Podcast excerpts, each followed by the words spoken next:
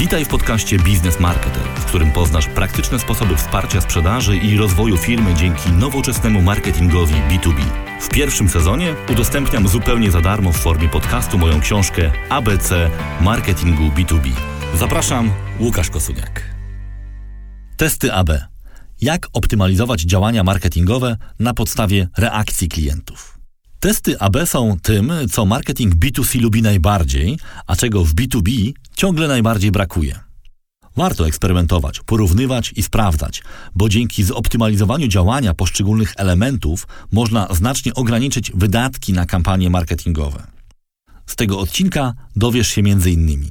czym są testy AB, dlaczego warto je przeprowadzać także w B2B, w jakich sytuacjach sprawdzają się one najlepiej, jakie elementy można poddawać testom i jak często.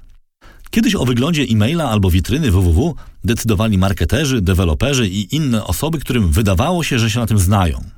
Oczywiście profesjonalni marketerzy posługiwali się wiedzą opartą na badaniach, a-trackingu, hitmapach, ale ciągle było to pogranicze nauki i sztuki. Działo się tak, dopóki narzędzia analityczne nie stały się ogólnodostępne. Dziś najprościej jest stworzyć kilka wersji strony, e-maila czy posta w serwisie społecznościowym, a następnie sprawdzić na małej grupie użytkowników, która z nich ma największy współczynnik otwarcia, czyli open rate oraz liczbę kliknięć, click-through rate.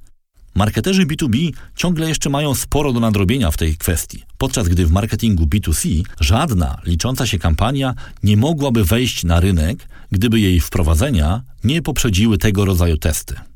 Dobre narzędzia Marketing Automation mają odpowiednie moduły, dzięki którym tworzenie nowej, zautomatyzowanej kampanii można zacząć od wykonania testu AB, po to by treści miały jak największą skuteczność oraz by móc bazować na faktach i danych, a nie na subiektywnym poczuciu estetyki. Regularne stosowanie testów AB umożliwi Ci także uczenie się od klientów, jak powinny wyglądać skuteczne e-mailingi, banery czy posty w serwisach społecznościowych. Czy warto stosować testy AB? Liczby mówią same za siebie. W internecie można znaleźć kilka ciekawych przykładów. Discovery dzięki testom AB zwiększyło zaangażowanie w treści wideo o 6%.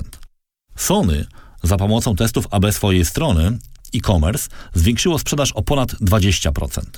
Comscore, które testowało m.in. treści z wypowiedziami klientów, zwiększyło liczbę wygenerowanych leadów o 69%.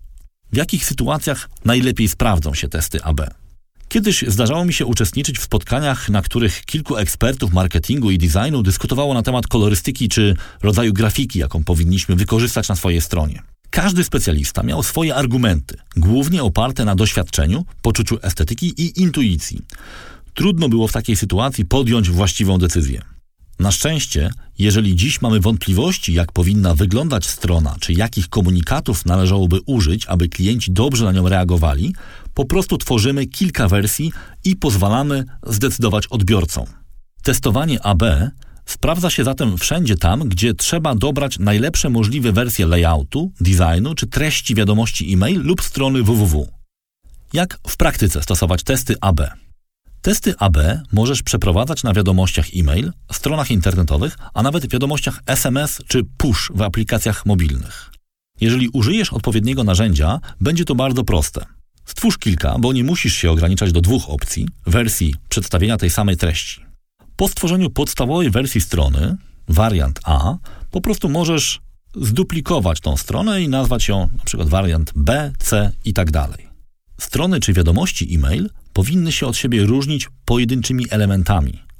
Jeżeli więc chcesz sprawdzić kilka zmian, stwórz tyle wariantów, aby wszystkie treści różniły się tylko jednym elementem. Dzięki temu dowiesz się, co wpływa na sukces lub porażkę danej wersji. Jeżeli chcesz sprawdzić dwa rodzaje kolorystyki oraz dwa sposoby umiejscowienia przycisku rejestracja, stwórz cztery wersje takiej strony. Pamiętaj też o tym, że testowanie wymaga odpowiedniego ruchu na stronie. Jeżeli na Twojej witrynie ruch jest bardzo mały, testowanie AB nie będzie skuteczne. Pozostałe etapy procesu są już zautomatyzowane. Systemy wyświetlają lub wysyłają odpowiednią liczbę próbek w formie wiadomości e-mail i po uzyskaniu wyników przedstawiają rezultat, czyli wersję, która uzyskała najlepsze wskaźniki kliknięć. Podsumujmy. Dzięki testom AB nie musisz ryzykować i rzucać się na głęboką wodę.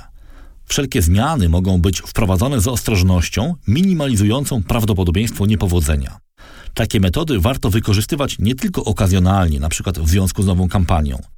Najlepiej testy AB przeprowadzać konsekwentnie i stale, by ciągle poprawiać najważniejszy wynik współczynnik konwersji.